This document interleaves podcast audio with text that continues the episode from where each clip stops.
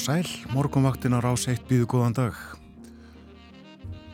Það er þrýðu dagur 19. desember, klukkunum vandar 9 mínútur í sjö. Hér sitja Björn Þór Sigbjörnsson og Eirún Magnúsdóttir. Eldgósir hafið á Reykjaneskaða.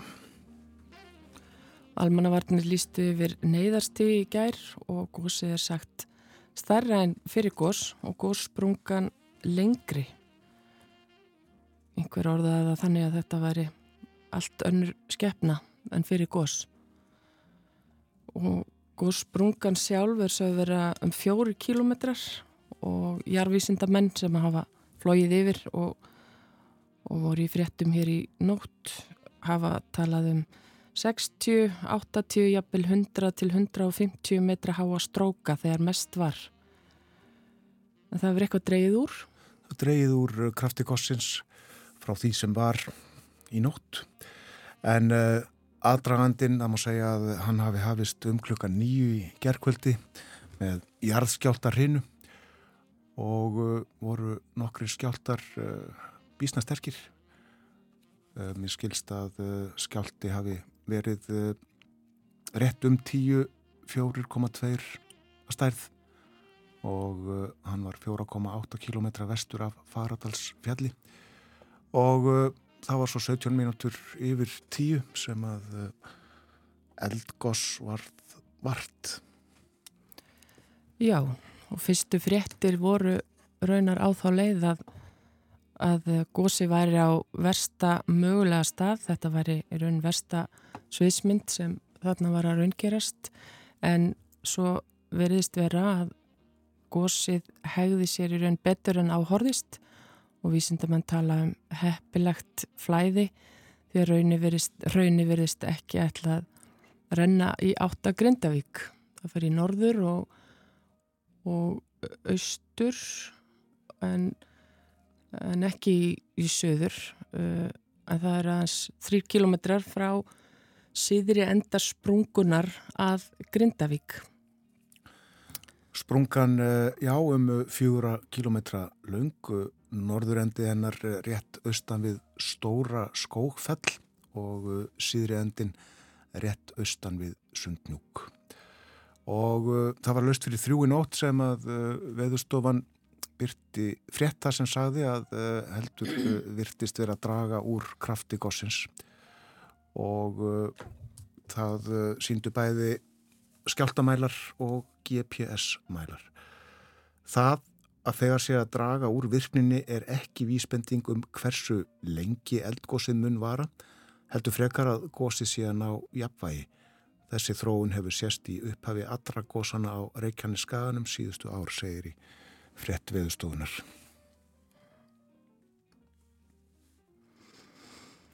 Já og viðir Reynisson og Almannavarnir hafa mynda á hér að þetta er ekki túristagós þá engin að þetta er ekki gós sem við höfum að fara og elda og reyna að verða fyrir okkur. Mistakost ekki eins og staðan er núna. Og öllum leiðum til og frá Grindavík hefur að sjálfsögðu verið lokað. Og fólkum beðum að vera ekki á ferð um Reykjanesbrautina nema brína nöðsinn berið til. Og henni var mér sér lokað um tíma í gerðkvöldi. Já, voru margir sem að fóru þar um til þess að sjá gósið eða, eða bjarman af því en það uh, var uh, varað við því eða, eða fólki var gert ljóst að það veri bannað að leggja út í kanti á Reykjanesbröðinni. Já, ég fór upp að Perlu í gerðkvöldi og var þar á samt nokkrum fjölda fólks sem hafi lagt leið sína þangað og þar sást bjarmin vel og, og strókur upp. Þar var mikið að ferðamönnum. Tóku myndir og, og vídeo mm. og uh, bæði lifandi myndir uh, frá uh, vefmyndavélum á, á sjám og sjá útsendingar þeirra á rúf.is og einni fjölda ljósmynda og myndskeiða frá gerðkvöldinu og, og nóttinni. Það er rétt að fara yfir veðurhorfur dagsins líka. Það verður vestlæg átt á landinu, 8-15 metrar og jél, en þurft að kalla austalands, norrlægari átt setnipartin og stittir upp áfram jél með norðurströndinni, svo lægir í kvöld. Og uh, frostið í dag uh, að 8 stegum það verður mildast við suðuströndina.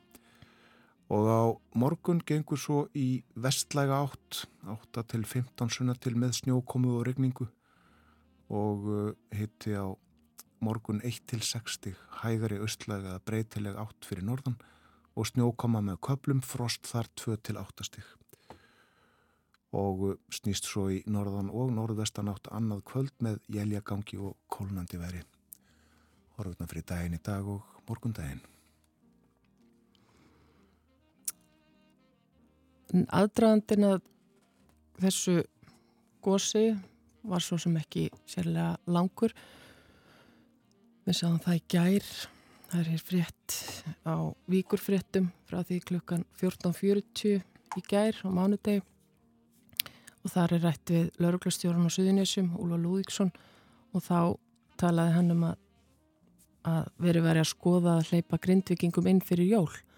En síðan örfáum klukkutímum síðar þá er komið eldgós og öllum leiðum lokað og allir bennir um að, að fara. Þeir, þeir sem að vanabor voru stattir í bænum þannig að þetta breytist á mjög skömmum tíma og kannski voru bara margir hættir að að trúa því að það kemi gós. Þannig hefur mistakosti umræðan verið síðustu daga og vikur. Já. Já, þetta getur breyst hratt við uh, sjáum það á þessu. Það geta þess að uh, mér sínist flug Æsland er vera á áællun en uh, senkanir hjá Play uh, brottfarir uh, áformaðar þar upp úr 11 þessara fluga sem að annars ættu að vera farin á stað. En á morgumvaktinni munum við fylgjast með gangi mála á Reykjaneskaganum og leika tónlist. Það er svona það sem við leggjum upp með þannig morgunin. Þetta svona í bland. Frettir á hefðböndnum tímum 7, halv 8, 8 hálf nýju. Og svo munum við þetta koma með nýjustu tíðindi ef eitthvað breytist og eitthvað gerist þá, þá verðum við á morgunvaktinni á eldgósavaktinni.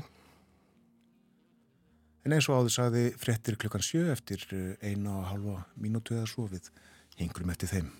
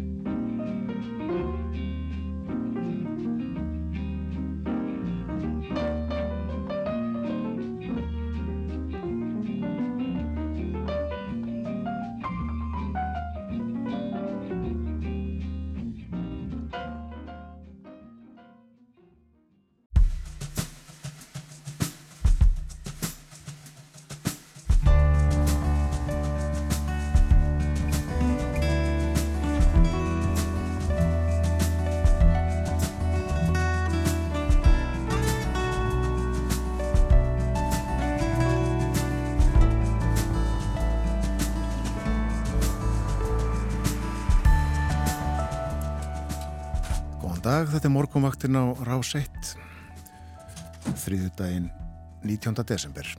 Umsjónumenn þáttarins í dag Björn Þó Sigbjörnsson og Eirún Magnús Dóttir.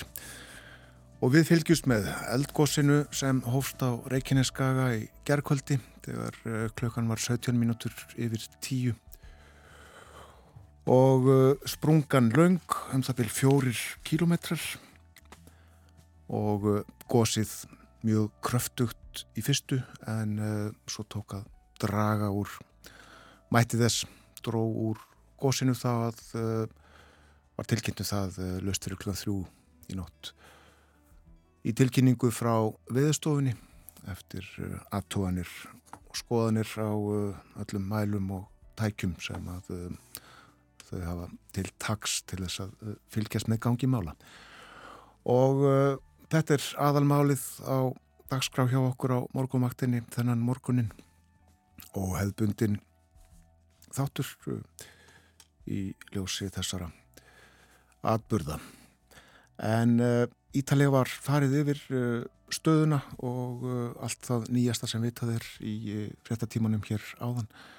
Og uh, fréttir og frétta yfirlitt hér á 30 mínútna fresti. Og Við eh, fylgjumst líka með hér, greinum frá gangi mála. Ég ætla að hafa yfir veðurhorfur dagsins, það verður vestlæg átt í dag, 8 til 15 metrar á sekundu og jél, þurft að kalla austanlands, norðlægari setnipartin og stitti þá upp, en áfram jél með norðuströndinni. Og það lægir í kvöld og eh, frostið 0 til 8 stig, mildast við suðuströndina. Og eh, skeitinn frá Vegagerðinni snjóþekja eða hálkaðir á flest öllum vegum og eitthvað um jælja gangi flestum landslutum og eitthvað endur kvattir til að kynna sér aðstæður áður en lagtir á stað. Og það eru hálkublettir á öllum leiðum á höfuborgarsvæðinu og það er hálka á Reykjanesbröð, snjóþekja eða hálka á öðrum leiðum á Reykjanesinu. Og snjóþekja á skafreiningur á helliseiði einnig snjóþekja og hálka á öðrum leiðum á Suðvesturlandi. Og uh, við uh, tökum það líka fram að uh, allar leiðir til Grendavíkur eru lokaðar. Og fróðárheiði er lokuð og það er snjóþekja eða hálka á eitthvað eða mjæleganga á öllum leiðum á Vesturlandi. Það er þungfært á Háldán og Kleifaheiði þæfingsfærð á Steingrinsjörðarheiði snjóþekja eða hálka og jæljagangur víða á vestfjörðum. Þetta eru þær tilkynningar sem eru komnar og uh, það er uh, eiga eflust eftir að uh, það er með á eftir að fjölga. Við höfum ekki uh, upplýsingar um uh, aðra landsluta en uh, sjáum þó að mjög víða er hálka eða snjóþekja á vegum. En förum betri við skeitin þegar þau berast spjall hér um aðstæður í landinu og uh, framgang eldgossins á Reykjaneskaga í bland við tónlist og uh, við setjum lagastað þetta er úr uh, gammal kvikmynd Breakfast at Tiffany's Moon River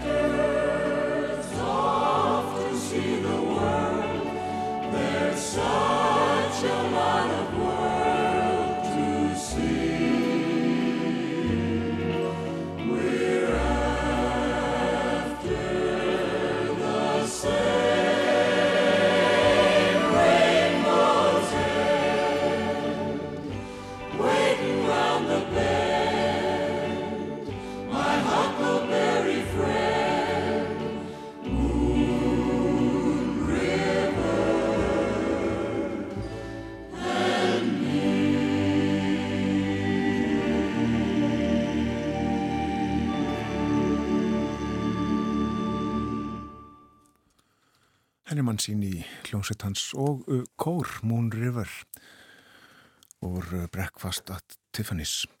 Við setjum hér Björn Þór og Eirún og uh, fylgjums með gangimála og reykjarniskaðanum eldgósinu sem að hófst þar 17 minútur yfir 10 í gerðkvöldi eftir að jarðskjáltar hérna hófst þar um nýju leitið. Eirun, uh, þú uh, dreifsti út og á uh, svona einn af hæstu punktunum í grendviði hér í gerðkvöldi. Já, ég ákvaða að skella mér aðeins upp í Perlu. Ég sá nú gósi frá sölunum minnum en það var blokk hann svolítið fyrir þannig að ég ákvaða að fara á betri stað og það var eins og magnað að sjá uh, þennan þennan róða heiminn er allir, allir rauður og að sjá uh, strókana stíga þarna upp og eiginlega sérstaklega ef maður fór aðeins neðar og maður sá gósið yfir kirkugarðinum vegna þess að kirkugarðinum er upplýstur núna það eru, það eru krossar að leiðum og þannig að þetta var mjög, mjög fallegt hvernig þetta kallaðist á Nei.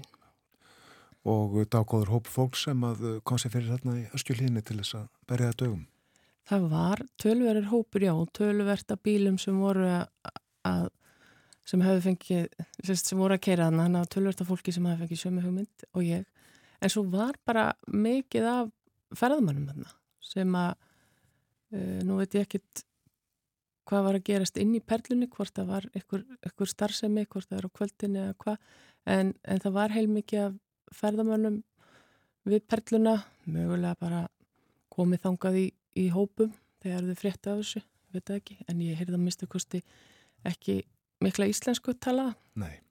í mjög sönnu tungumál. Og myndavélarnar símanir á lofti? Já, ég held að flest allir hafi verið með síman á lofti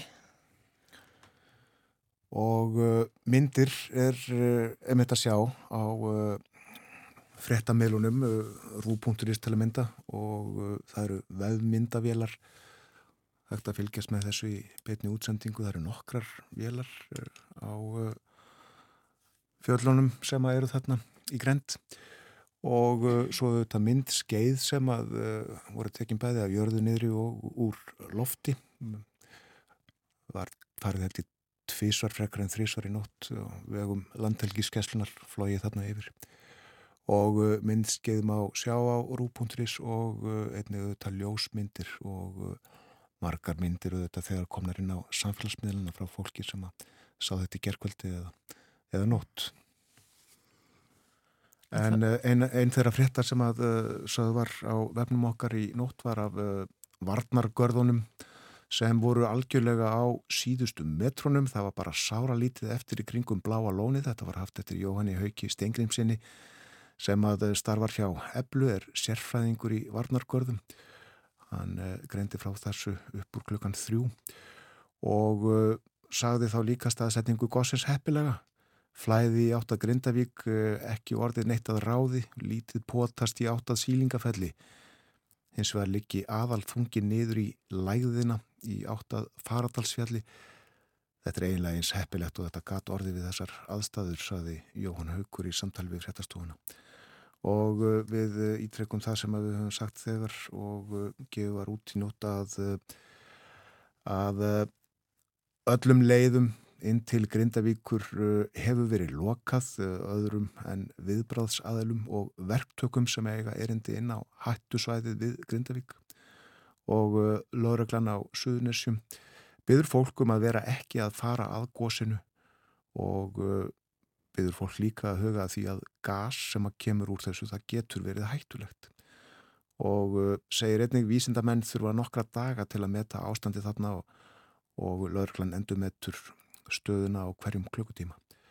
Og vegfærendur eru bænir um að virða lokanir sína þessu öll sama skynning mm. og það getur mikið breyst það getur mikið margt breyst frá klukkutíma til klukkutíma og við heyrðum það í gerð kvöldi fyrstu fregnir voru á það leiða að þetta væri versta mögulega uppákoman.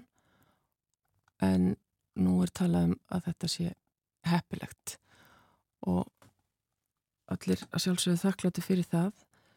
Og, en það sýnir kannski hversu, hversu fljótt þetta breytist. Og það er líka sagt frá því það var sagt frá því fréttum á sunnudag sem að bláalónið ætlaði að opna aftur?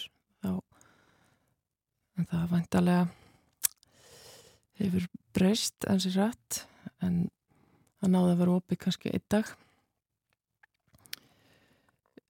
En það er auðvitað ekki bara gósið sjálft heldur mengunin sem af því hlýst sem að uh, við þurfum að fá upplýsingarum og það er núna talað um að, að gasmengun sé ekki ekki yfir byggð og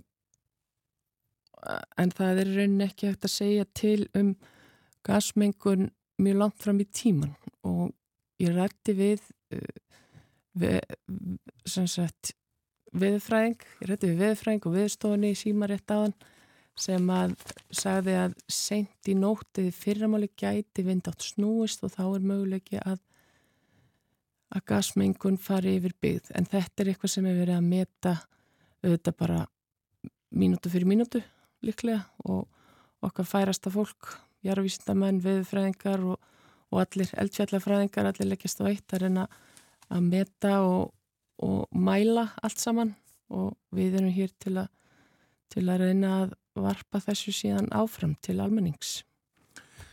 Ég nefndi ljósmyndir hér áðan, það er stór mynd á forsýðu morgumblaðsins í dag og fyrirsögnin stæsta eldgossið. Myndin tekin úr þyrlu landhelgiskeslunar og uh, starfsmæður gæslunar sem að tók hana.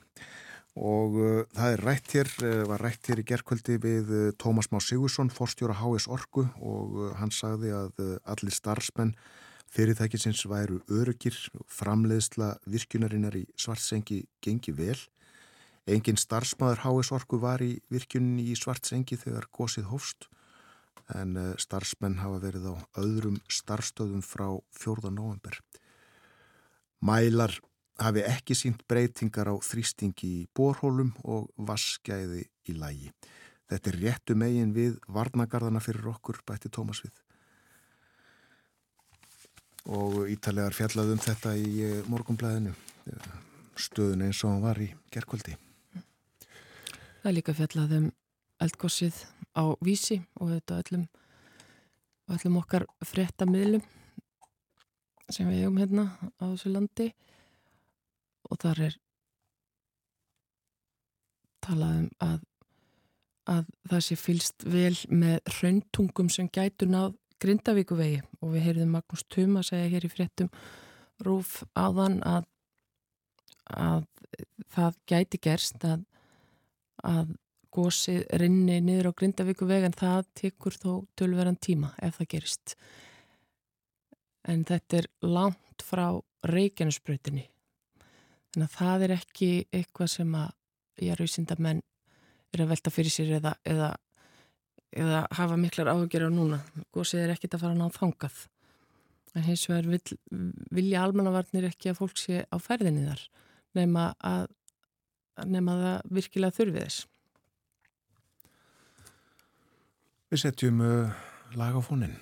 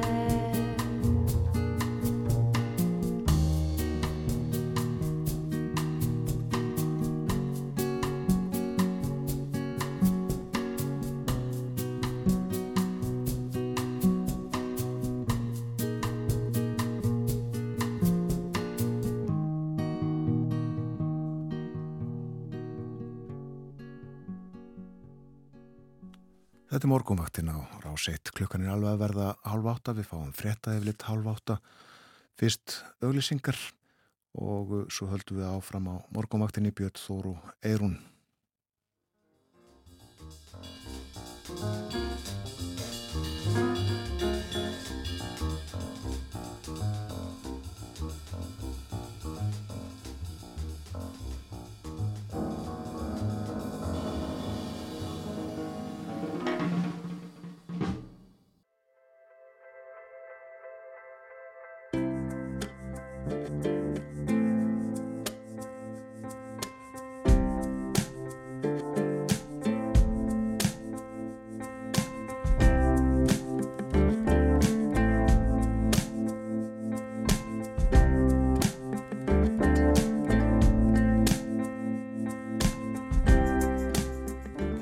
Hlusta á morgunvaktina.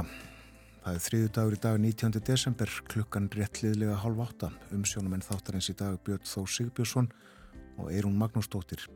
Og við fylgjum ykkur til nýju í dag. Þá farið yfir uh, það sem að vitað er nú þegar í fréttaðiflitinu hér áðan um uh, gósið á Reykjaneska og uh, það til umfjöllunar í þættinum í dag.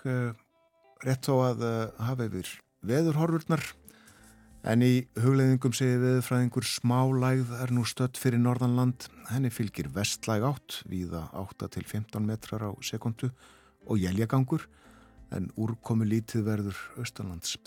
Læðin þokast til austus í dag og það stittir smám saman upp en þó maður búast við einhverjum jæljum við norðurströndina og frost 0 til 8 stíg.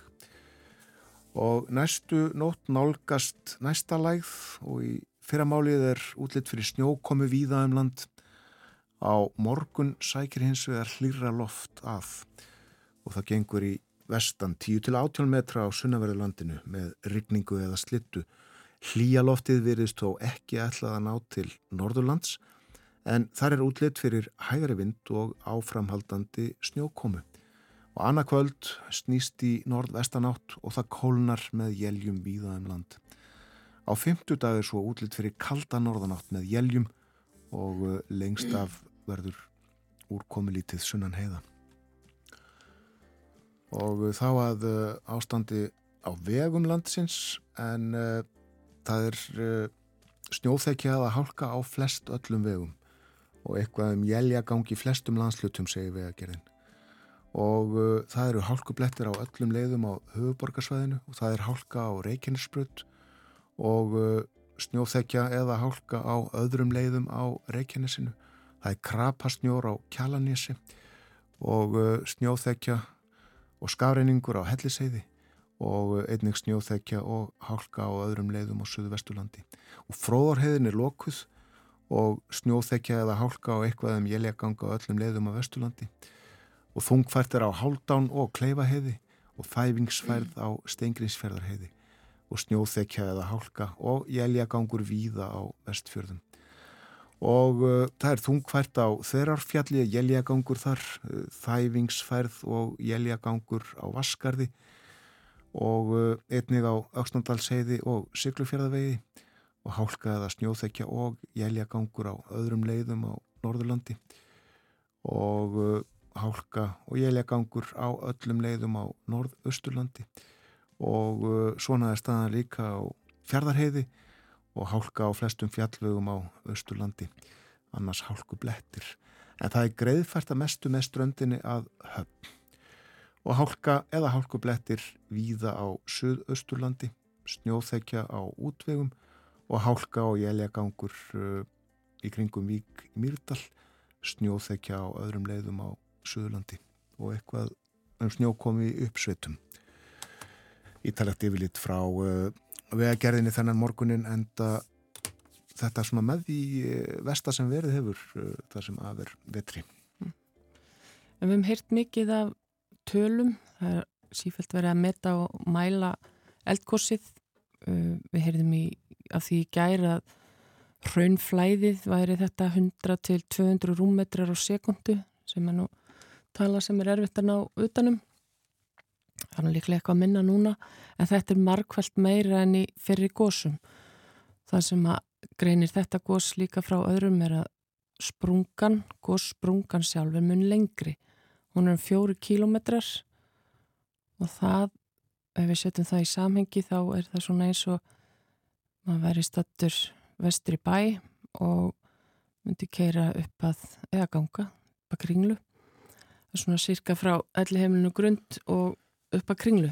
Það er lengtin á góssprungunni.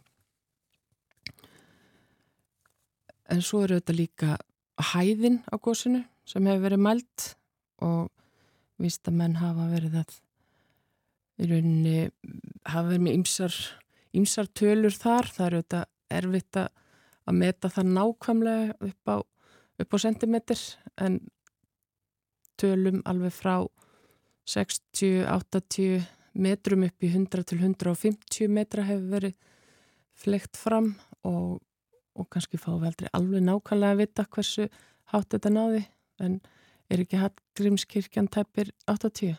Jú, 75 held ég. Já, Já. Þannig að þetta er eina eða tvær Hallgrímskirkjur, cirka. Einar Sveinbjörnsson viðfræðingur skrifaði um gós guðurnar á öðrum tímanum í nótt á Facebook síðu sína. Vindurinn í 500 til 1500 metra hæð stendur að vestri og vindáttin er nokkuð stöðu til morguns, já hann skrifaði þetta í nótt. Ef hraunflóðið er 100 til 200 rúmmetrar á sekundu eins og Kristín Jónsdóttir á veðurstofunni slæra á, skrifaði einar, þá má gera ráð fyrir að verulegt magn brennistins tvíóksíðs losni úr kvikunni liftist í hýta uppstreyminu og uh, það leggur undan vindi. Vestanátt er fremur heppileg vindátt en þó gæti slegið nýður gasi í Þorlákshöfn og neðan til í Ölfusinu eins á Eirabakka og Stokkseri og eftirvill víðar í lágsveitum Suðurlands. En uh, svo skrifaði hann í nótt á morgun er spáð mjög hagstaðri norðvestanátt, strekkingsvindi og þá leggst gósmökkurinn undan vindi yfir Krísuvíkurbjarg og þaðan á haf út megum teljast hafa verið heppin að ekki blés af suðaustri þessar fyrstu stundir þá hefði mökkinn lagt beinustu leið yfir Reykjanesbæ og Garðskaga og Keflavíkur flugullur í afframt að öllum líkindum lokast en uh, þetta gerðist sem sagt ekki. Við setjum lagafón.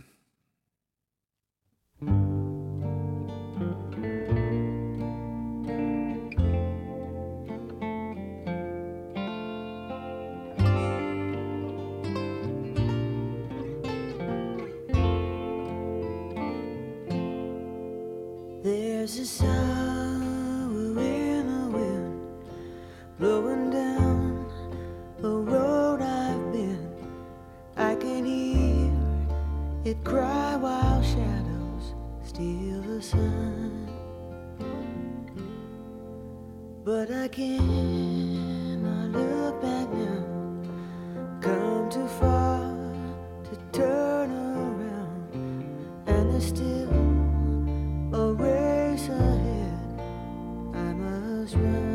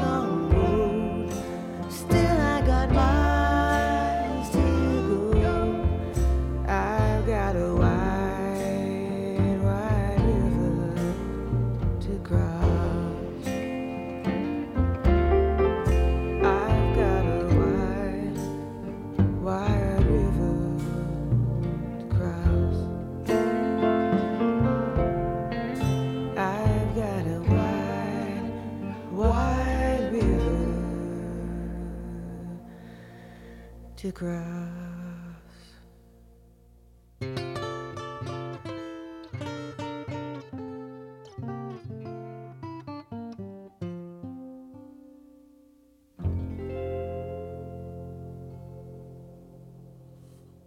Diana Kroll hér á morgunvaktinni. Það hefur dreyið úr krafti eldgossins sem að hófst upp á klukkan tíu í gerkvöldi. Strókavirkni, órói og skjáltavirkni hefur mingað. Staðan hefur þó lítið breyst síðan flói var yfir svæði millir klukkan fjögur og fimm í nótt. Þetta er frétt frá fréttastöðu útvarsins. Hraunflæðið leitar til austurs í nýrðri hluta gósprungunar við skóarfell. Virknin í síðri hluta hennar er heldur að kona og þar leitar hraunflæði til austurs. En uh, neyðast í almannavarna var líst yfir í gerkvöldi. Allar leiðir til Grindavíkur uh, eru lokaðar og verða lokaðar næstu daga. Og uh, það var rætt í morgun við Magnús Tuma Guðmundsson, jarðvísindamann sem að flög yfir góðstöðunar snemma í morgun og þá öðru sinni og það kemur honum ekki óvart að dreyið hafi úr umfangi góssins en það er ennþá töluvert góss og hraunið mjög virt á að giska þrýr til fjórir ferkilometrar sem eru komnir af hrauni bara til samanburðar þá er það kannski tvöfalt meira en kom í öllu síðasta góss í litla hrút og það uh, gerðist sem sagt á sjö klukkustundum eða svo.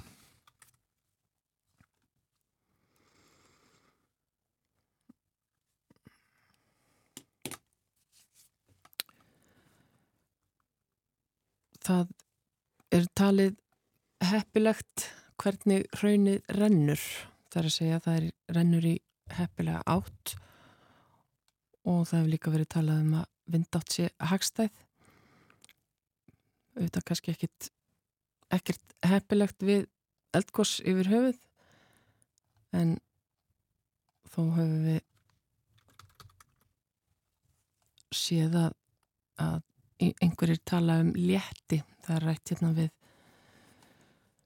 uh, lauruglumann á Suðunessum á frettafæð Vísis Hjálmar Hallgrímsson og hann uh, var rætt við hann í gerð og hann segir að þessi ákveðin léttir að byrja að segja gjósa og og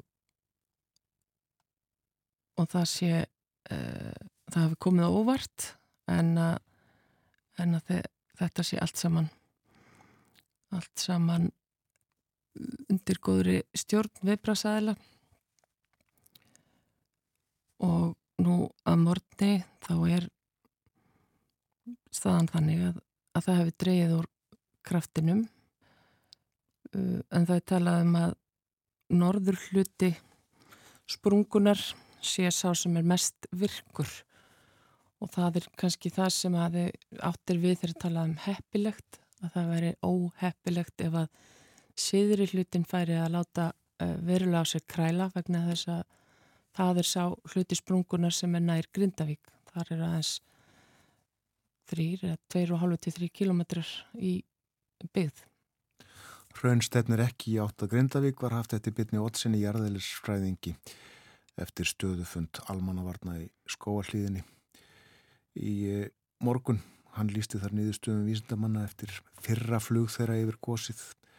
Sæði gósið vel staðsett miða við að það gaus við sund núk og uh, Víði Reynesson hann uh, sagði í nótt að líklega munir hraun ekki falla á varnarkarðana sem að voru gerðir þarna umhverfis orkuverði svartsengi miða við þau hraun líkun sem við höfum verið að skoða það mun ekki reyna á varnagarðana næstu klukkustundirnar að minnstakosti, saði hann. Við höfum góða tíma til að uh, vinna áfram í þeim. Við uh, setjum aftur lagafónin og getum þess að það er vona á Páli Einarsinni jarðeðlisfræðingi til okkar á morgunvaktinu.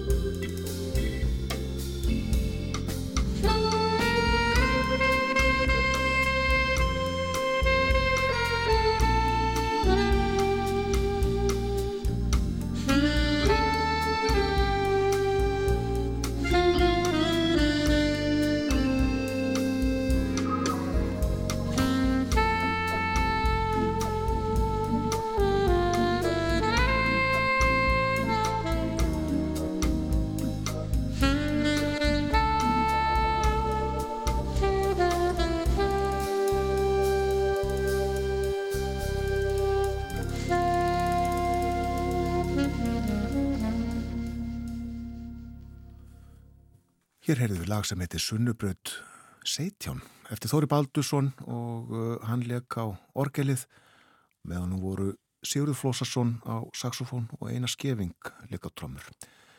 En Pál Einarsson, jarðaðilisfræðingur, er komin á morgumaktina. Velkomin, góðan dag. Já, góðan dag og þakka þið fyrir. Pál, uh, getur þú líst kannski bara þessu gósi aðeins fyrir okkur? Já, það, það er, nú, er nú mikið til að orðið strax að, myndefni af þessu, þannig að mann sjá, sjá hvað, hvað skins er. En það má kannski orða þetta í, svona, til að byrja með þannig að þetta sé kannski uh, fyrsta skipti sem við sjáum venjulegt Íslands eldgós á, á Reykjaneskaga. Þessi þrjú gósa má undan hafa farið í, í þessari hreinu gósa núna, hafa verið algjörlega afbreyðileg fyrir það hvað þau hafa verið lítil og þetta er sem sé miklu dæmigerðari byrjun á íslensku eldgósi sem við höfum séð núna þar sem sé að byrjar á, í ákveðnum punkti það breyðist út uh, nokkuð löng gósbrunga og þó ekkit neitt gríðarlega löng, fjó, fjóri kilometrar og það gís á, á henni allir, hún, er, hún er, var í, í stikkjum svolítið, hliðræðist svolítið til og frá og það flætti sem sé raun úr, úr, úr allri, öllum fjórum kilómetrónum í, í einu í allangan tíma. Síðan má búast við því og þegar þegar byrjaði að gerast það, hún byrjaði að stittast til endana og, og virknin að draga saman og það er mjög líklegt að þetta endi svona sem, sem eh, stutt góðsprunga og sem haldi áhrifin að gjósa einhver tíma. En e, þetta sem sé er vel innan allra þeirra svona stærðarmarka sem við þekkjum vel úr öðrum eldgóðsum eins og, eins og við, við kröplu á sínum tíma og, og um, í hólurraunni 2014 og, og þess aftar og haga sér mjög svipað í raun og veru eins og, eins og byrjanir á þeim, þeim góðsum. Já, það var þarna uh, jarðskjáltar hérna sem að hóft er það ekki um nýjuleitið Jú, það byrja, byrja að koma skjáltar eh, fyrir, fyrir nýju og það stóð sem sé eh, skjáltar hérna í, í, í sex, eh, sex korter. Þanga til að gósi bröstiðan út klukkan 10.17 og, og það var strax tekið eftir því hvernig það gerðist með mjög afgerðandi hætti og síðan breytist sprungan út og, og lengdist í, í báða enda og, og eins og títt er um, um, um slikt og það sé hvert stikkið tók við af, af öðru í, í, all, allengi langt fram yfir, yfir minnetti sem að spunga var að lengjast. Eftir það þá uh, byrjar að draga, að draga saman sprungan og, og hún hefur ennþá gert það uh, í, í morgun. En getur sprungan ennþá lengst? Ekki, ekki, það er mjög ólíklegt að hún, hún lengist úr, úr þessu, sko. það, það er sem sé farin þessi stæsti þrýstingurinn, það var greinlegt að það var dáltil þrýstingur á kerfinu þegar, þegar þetta byrjar og, og þess vegna þessi stækkar, stækkar uh, góðsprunga til að byrja með. En síðan þegar hún byrjar að draga saman þá, þá, þá er það vegna þess að, að þrýstingurinn mingar það, það er eðið sem hafi tekið og, og uh, uh, þannig að, að góðsið mingaði nokkuð nokku rætt og, og á sjálfsagt eftir að gera það ennum en sinn. Já, og mm. uh, það var líka á næstu klukkustundum. Já, já, ja, það er uh, eins og þetta hagaði sér í, í kröplugósunum. Við fengum sé, fimm kröplugós af svipuðu tægi eins og þetta uh, á árunum 1980 til 84. Uh, eftir tíma pínu lítilla gósa, það voru fjögur lítil gós sem stóðu sem frá 75 til, til 1980 og, og síðan tók við uh, tímabil stærri gósa og, og, og það voru sem sé fimm, fimm af þeim sem að gengu alveg síðan uh, til 1984. Ja. Við uh, fáum fréttir hér eftir smá stund, uh, fyrst auglisingar. Pál Einarsson setur áfram með okkur hér á morgumaktinu og við höldum áfram samtali okkar um uh, stöðumála á uh, Reykjaneskaganum og tölum líka um söguna sem við vorum byrjuð að tæpa á hér núna.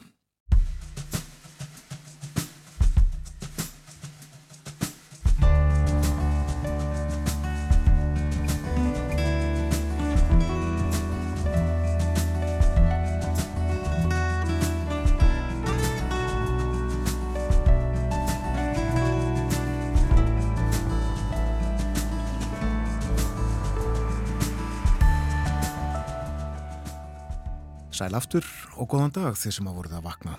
Þetta er morgunvaktin á rás 1. Það er þriðu dagur í dag, 19. Sept, uh, desember, það er komin desember, 19. desember og uh, klukka núna tímindur gengin í nýju. Frettatímin uh, lengri en vanalega vegna eldgossins í grend við Grindavík. Það tók að gjósa 17 mínútur yfir 10 í gerkvöldi. Já, hér hjá okkur sittur Pál Einarsson, jarðeðlisfræðingur og við endum á því hérna fyrir fréttir að tala um kröplugós og þar, það gauðs í kröplu nýju sinnum á nýju árum. Núna erum við búin að sjá uh, þetta er fjóruðagósið á þremur árum á Reykjanesinu. Uh, erum við að horfa á einhverja mögulega svipaða hrínu og var í kröplu? Er eitthvað hægt að segja til um það? Já, óneitanlega min, minni sumt á, í, í yfirstandandi virkni á það sem við læriðum í, í kröplu á sínum tíma. Kröplu árin, þannig voru hinn stóra leksía fyrir eldfjallafræðina á, á Íslandi. Þá sáum við í raunni í fyrsta skipti svona dæmigert íslenskt eldgós. Gósin sem fólk hafi séð áður voru Svona, það var stórt heklugós 1947 og það var surtsegargós út í Hafsauga og það var heimaegargós í meðri byggð og, og, um, og hekla sem er mjög afbreyðilegt eldfjall.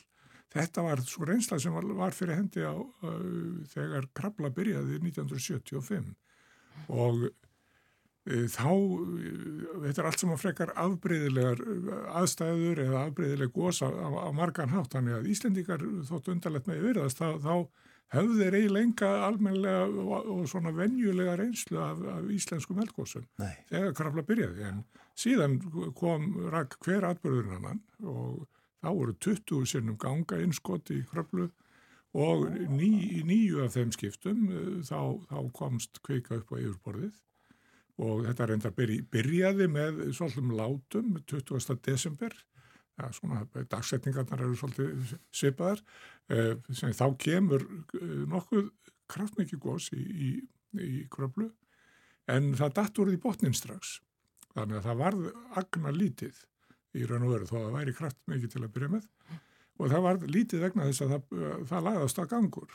Og, og kvíkan fór bara annað og nákvæða það væri betra ferðast bara neðanherðar og það myndaði stór gangu sem, sem náði 60 km uh, norður í Öksafjörð og það, þessum að góðs í niður. Og þetta var stílin á þessu til að byrja með, það voru ganga einskotn fyrstu árin. Og þessi örlittlu svona slísa góðs uh, uh, halvpartin. Síðan, og þetta gekk í, í fimm ár, þá, þá er sem fjögur, fjögur góðs á fimm árum, þanga til að fóra sjást í svona hérna venjulegu íslensku eldvirkni sem er einmitt á laungum gósplungum með miklu rönnflæði í byrjun sem síðan dregur tiltvöldlega hratt úr. Og þetta gerði síðan fimm sinnum á næstu fimm árum. Að það eruðu svona nokkuð myndarleg gós stóðu í viku til tvær vikur að lengsta gósi stóðu í tvær vikur. En, en það var kraft, þau voru öll kraftmikil í byrjun með laungum gósplungum Eh, miklu lengri raunar heldur en það sem við sáum í nótt og, og e, lengsta góðspunga var meil 8 og 9 kilometrar í, í þeim tilfellum og þau bara að með stuttum fyrirvara yfirleitt, flest þeirra. Allt frá frá korteri og upp í, upp í sjö klukktíma var þessi aðdragandi. Þannig að aðdragandin í gerkvöldi sem voru sem sé, runglega klukktími var eiginlega mjög dæmigjart fyrir svona vennjuleg íslensk eh, eldgós. Við höfum hins vegar vanist í núna síðust árin að aðdragandin hefur miklu lengri, þannig að það hefur liðið eh, núna í allt frá viku og upp í, upp í fjórar vikur sem gangurinn er að þælast eh, neðagerðar og, og, og við sjáum ekki gós fyrir, ne, fyrir eftir það. Þess aðdragandi er óvenjulega langur, þannig að að hérna, við eh, erum núna kannski fyrst að sjá svona venjulega, venjulegt íslenskt eldgós á, á Reykjaneska. Já. Já, en sko ég er velta fyrir mér þessu, nú eru 39 dagar frá því að Grindavík var rýmt og margt gerstu þetta á þeim tíma. Þú varst í viðtali uh, cirka viku eftir að, að bæri var rýmdur og þá saðast í rauninni sem minnst vilja segja um framhaldi, það væri eiginlega gagslust að spá, það gæti allt gerst, en kom þetta þér á óvart? Nei, það verður nú að segja að ekkert af þessu hefur komið beinleginis á óvart. Þetta hefur fyllt, uh, þetta sem sé nánast allar mælanlega stærðir í þessu, þið eru vel innan þeirra marka sem við þekkjum og stundum er uh, aðdragandi langur eins og hefur verið í rauninni núna og stundum er hann, hann stittri og, og, og uh, við þekkjum allt þar á milli. Við rifjaðum upp uh, kröflueldana en uh, hólurhraun, gósið þar hefur líka verið nefnt sem svona kannski hlýðstætt því sem það nú er. Já, það, það, það er náttúrulega svolítið útaf fyrir sig. Það, það er barðarbungu eldstöðin sem þá, þá let til sín taka og það byrjaði með mjög laungum aðdraðanda. Það er að segja að það var gangur sem lagði á stað og hann var, hann var tvær vikur á leiðinni og þjóðin fyldist spennt með hver gangur um að hverju sinni á hverjum, hverjum degi. Og hann ferðaðist eh, þessi gangur fór, fór sensi 48 km leið neðanjarðar og þannig að kvikan komst upp á yfirborðið. Hún gerði það í lægsta punkti hún, það var sensi þar það sem kvikan hafði minnst fyrir því að komast upp til yfirborðs og, og uh, þannig að gósi byrjaði í, úr endanum á ganginum. Uh, þar en gangurum var sensi 48 km langur og það gaus uh, úr endanum ánum, norður endanum ánum en, en kvíkan kom uh, nála söður endanum. Þannig að hún fór svona krokkaleið til, til yfirbors. Þetta er að þessu sinni núna þá er nú alltaf líku til þess að þetta komi úr kveikusöfnunarsvæðinu undir Svarsengi sem að núna hefur komið til yfirbors og það er miklu, miklu steytri leið sem að, sem að e, þessi kvika hefur farið nánast, nánast beint til, til yfirbors frá, frá upptökum sínum. Þeir eru semlega vel þekktir e, þessi gangar?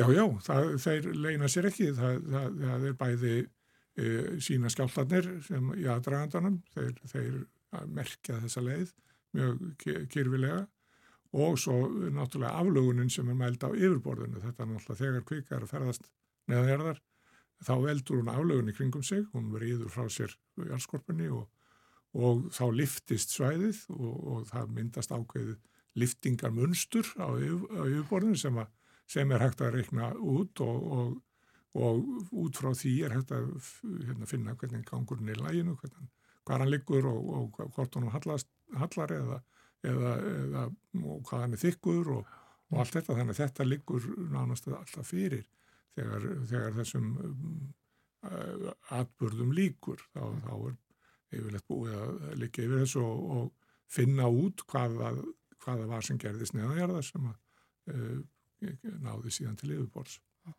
Er eitthvað vitað, er eitthvað hægt að segja til um hvað þetta gós geti staði lengi? Nei, það er reyndar eitt af því sem að náttúrulega er mjög áhugavert að, að, að vita en, en það reynist mjög erfitt að spá fyrir um það og náttúrulega eh, þekkjum bæði eh, dæmið um stutt öflugt gós sem að stendur stutt og verður þessuna lítið. E, og eins líka lítið gós sem heldur bara áfram að, að matla í langan tíma.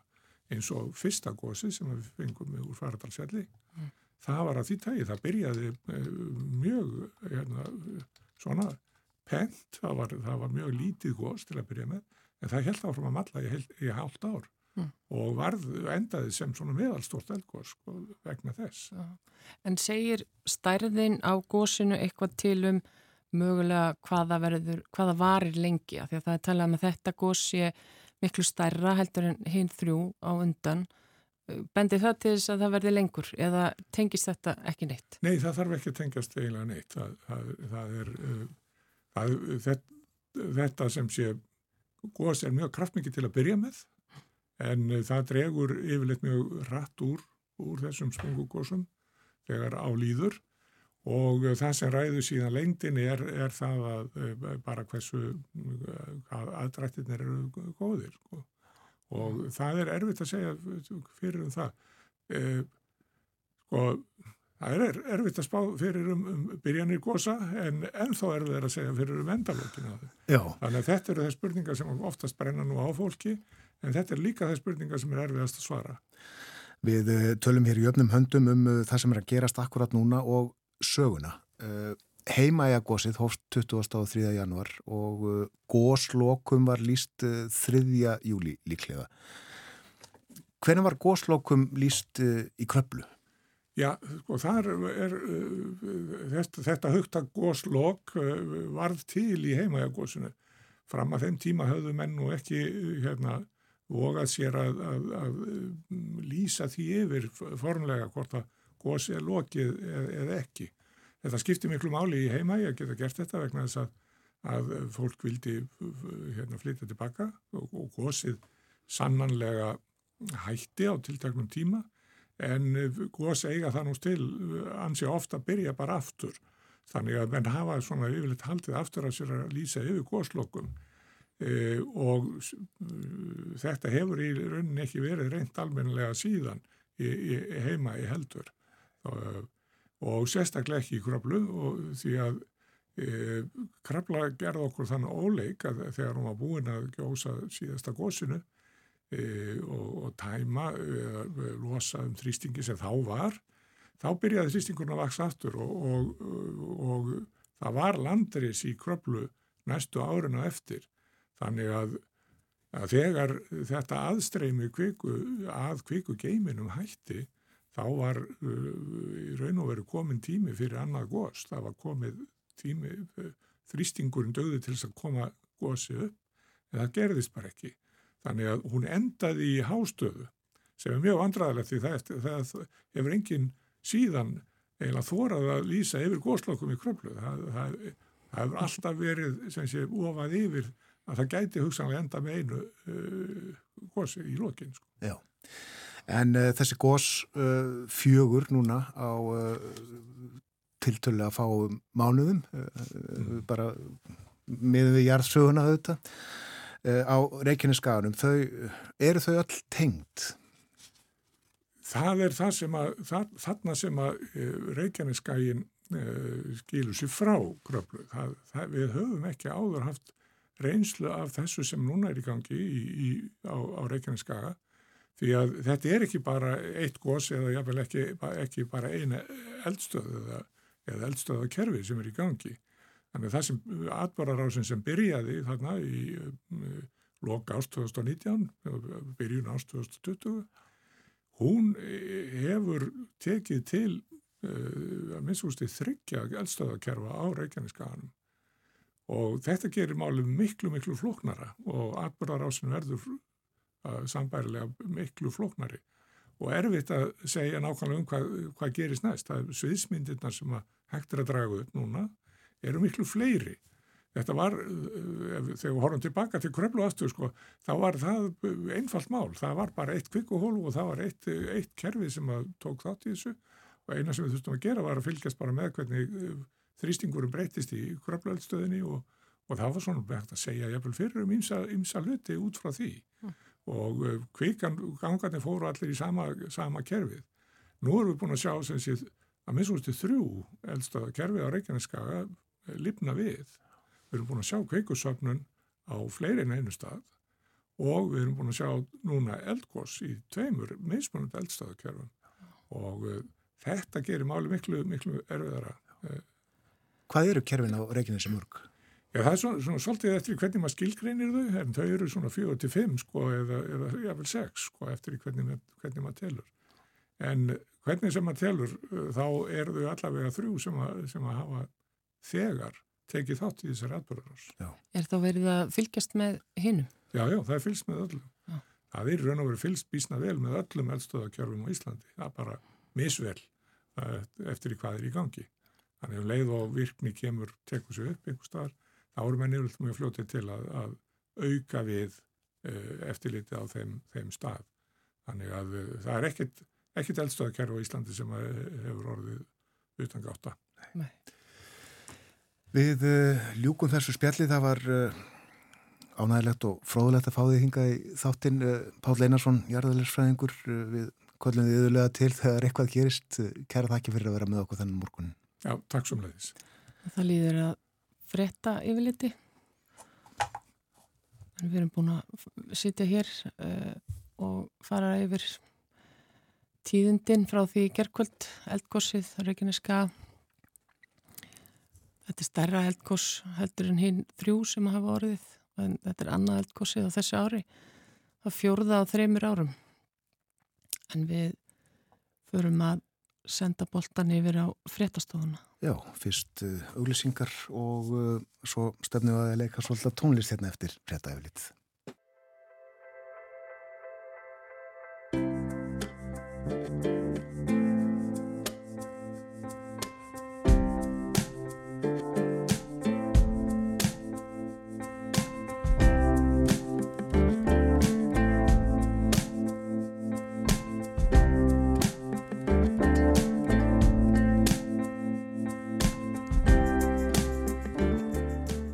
ný, þetta er morgunvaktin á rás 1, klukka núna réttliðilega hálf nýju.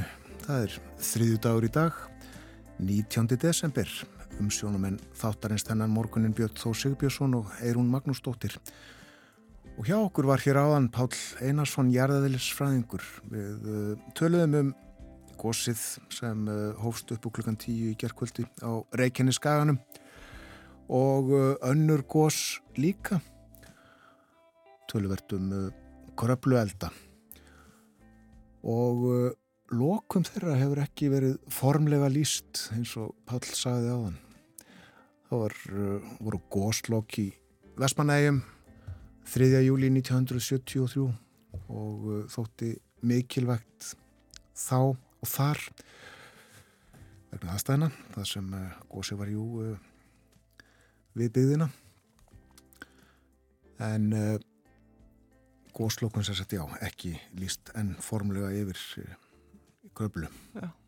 En Pall setti það svolítið í, í samhengi fyrir okkur, vísaði hann í kröflugós og þau urðu uh, það góðs í kröflu nýju sinnum á nýju árum. Nú erum við komið með fjögur gós á þreymur árum á Reykjanesinu og hann talaði líka um uh, eldstöðva kerfin og þau eru 5 til 6 á Reykjaneskaganum og nú er búið að gjósa í allavega tveimur ef ekki þreimur, það er einhver, einhver ágreinningur um nákvæmlega hvernig þetta talið.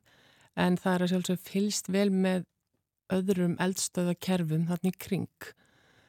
Uh, en það líkur ekki alveg ljóst fyrir hvort að þessi gós öll sem öll sem við höfum verið að sjá hérna síðustu þreimur um hvort þau eru endilega alveg tengt, hvort þetta eru tengtir atbyrðir um, og þessi fræði eru þetta þannig að það er þó við fjölmjölafólki viljum fá svör, við viljum fá svörum af hverju eitthvað byrjar og af hverju það endar og hvernig það mun enda að þá eru þessi svör einfallega oft ekki til.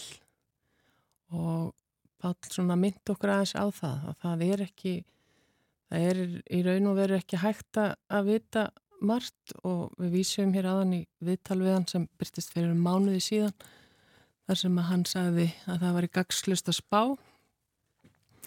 En hann sagði okkur líka að það, þessi aðdragandi það hefur verið talað um að hann hefur verið stuttur vegna þess að uh, einhverjur hafðu nefnt á síðustu vikum að það yriðu líklega um fjóri klukkutímar aðdragandin geti verið en svo reyndist það bara að vera um einn og hálfu tími. En, en Pál segir að í samhengi við önnur gós að þá sé þetta bara eðlur tími.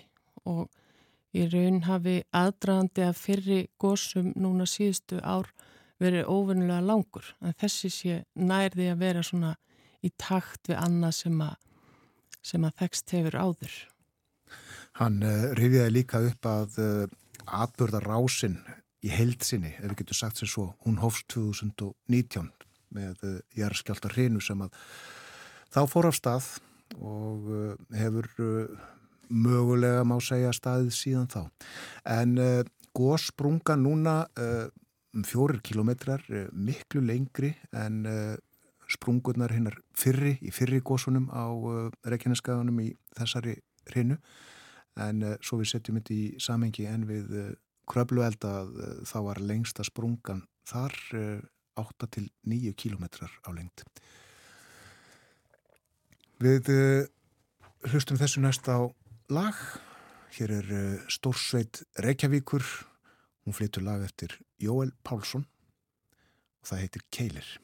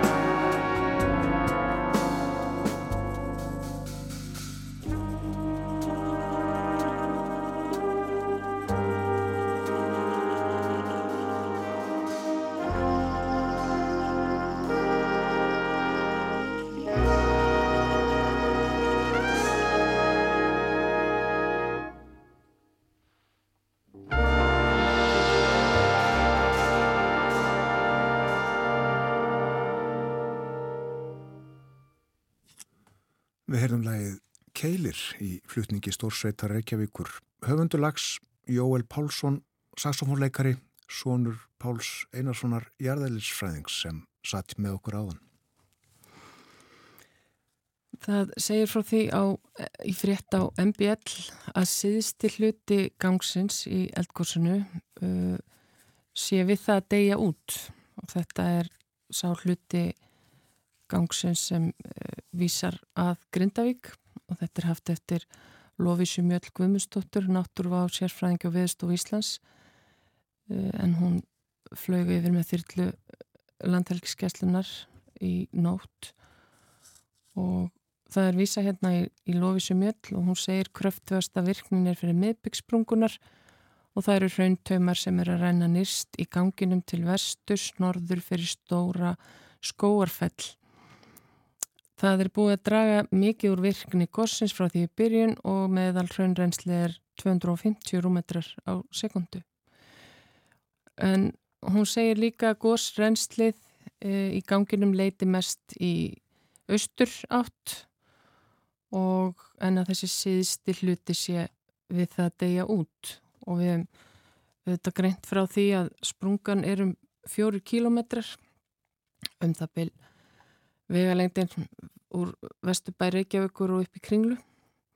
Og það var sagt frá því einhver tíman hér áður að uh, dýftin á kvikunni væri um fjóru kilómetrar líka.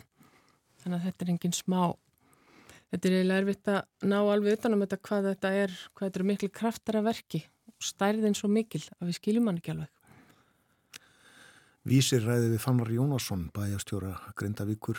Hann segir það ákveðin létti hvar gósprungan á Reykjaneskaga liggur þrátt fyrir að það sé alvarlegt hver nálagt bænum hún er. Með við stöðuna þá eru þetta ánægilu tíðindi en auðvitað er eldgós svo næri byggð há alvarlegt. Við verðum að sjá hvernig framvendan verður en eins og er þá er ekki kvika eða raun að ógna byggð og uh, Grindavíkubær var mannlaus þegar gósið hófst. Uh, fannar telur að Grindvikingar hafi tekið fréttum gerdagsins með stóiskri ró. Bæja búar sig orðin ímsu vannir Það máli segja að þetta sé léttir með að við það ástand sem ríkti á tímabili um að mögulega væri hætta á því að kemi upp kvikar henlega undir bænum. Kvikugangur lág undir Grindavík og til sjáar með að við það skuli blossa þarna þá léttir þá á þessum þrýstingi sem að hefur verið undir niðri þá er þetta léttir, segir Fannar. Og uh, svo er sagt frá fundum viðbraðs aðila í nótt og uh, þeim verður framhaldið í dag. Og meðal þess sem að rætt er er að reysa fleiri varnagarða eða leiðigarða. Í svartsengi eru stórvirk tæki sem að nóttu voru til að reysa varnagarðana þar og því mögulega hægt að grípa til þeirra og uh, Fannar bæjastjóri segir það er verið að fylgjast með framvendunni þarna og velta því meðal annars fyrir sér hvort að það sé ástæða til að horfa til einhvers konar varnargarða eða leiðigarða fyrir sunnan gós sprunguna. Hraunir núna það leitar í austur frá sprungunni og þá kannski freka til norðus og síðsti endin næst Grindavík, hann er ekki kraftmikill. Það var rætt við Úlvar Lúðvíksson, lauruglustjóru á Suðinessum í morgun fréttum útvarps. Og, og hann segir núttin að hafa gengið vel að auðvitað hafa verið áhyggjur af innviðum en að uh, að þeir að sem sagt lauruglan er með allan þann mannskap sem til þarf og það var aðeins dreyið úr viðbúnaði yfir nóttina segir Úlvar hér er haft eftir honum í, í fréttum og hann segist ekki vita til þess að neitt hafi farið úrskeiðis og ekki heldur að það hafi þurft að hafa afskipti af fólki. Það var auðvitað það sem að viðbrasaðirar voru eh, aðeins hrætti við í gær að Reykjanesbröndin myndi fyllast og það eru bílar þar í, í vegköntum sem myndi síðan skapa hættu fyrir þá sem þurft að breyðast við ef eitthvað kemur upp á. En þetta verist ekki hafa raungerst uh, og það eru þetta allir óhuldir, það er engin enginn sem að var í Grindavík svo vita sé nema viðbrasaðalar og verktakar. Um, þannig að miða við allt og allt að þá er staðan betri en að minnstakosti þorrað var, eða sem sagt menn þorrað að spá í gerkvöldi þá var ég að byrja talið að, að þetta væri allra, allra versta, þetta væri, það er því versta mögulega útkoma en síðan hefur í rauninni uh, síðan hefur uh, það í rauninni svolítið uh, það hefur, já, það hefur dreyið svolítið úr þessum, þessum spám um að allt fara á vestaveg og, við, og þetta eru þetta ellegt að því að vísindamenn eru að spá í horfurnar eila frá mínúti til mínúti, klukkutíma til klukkutíma þannig að það er mjög ellegt að, að það sé ekki, líki ekki ljóst fyrir hverskins er og kannski vilja mann frekar vara aðeins svo mikið við heldur en að heldur en hitt. Já, einmitt hafði dreyið talsvert úr uh, kraftinum strax uh, uh, eftir, eftir, þegar fjórir tímar voru liðnir frá því að gósið hófst þarum bil. Við höfum uh, nefnt myndir sem að viða má sjá í, í fjölmjölum uh, frá því gerðkvöldi og nótt og mér langar að vekja aðtikli á uh, góðu myndaalbumi sem er að finna á vef Víkufrétta, vaff.is. Þar er myndasapn og við má sjá myndir úr lofti og af landi. Við setjum þá uh, lagafónin og uh, þetta er af uh, snótraratæginu.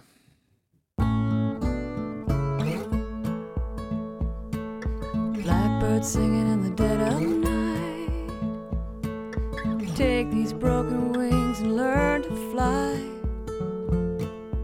All your life. You were only waiting for this moment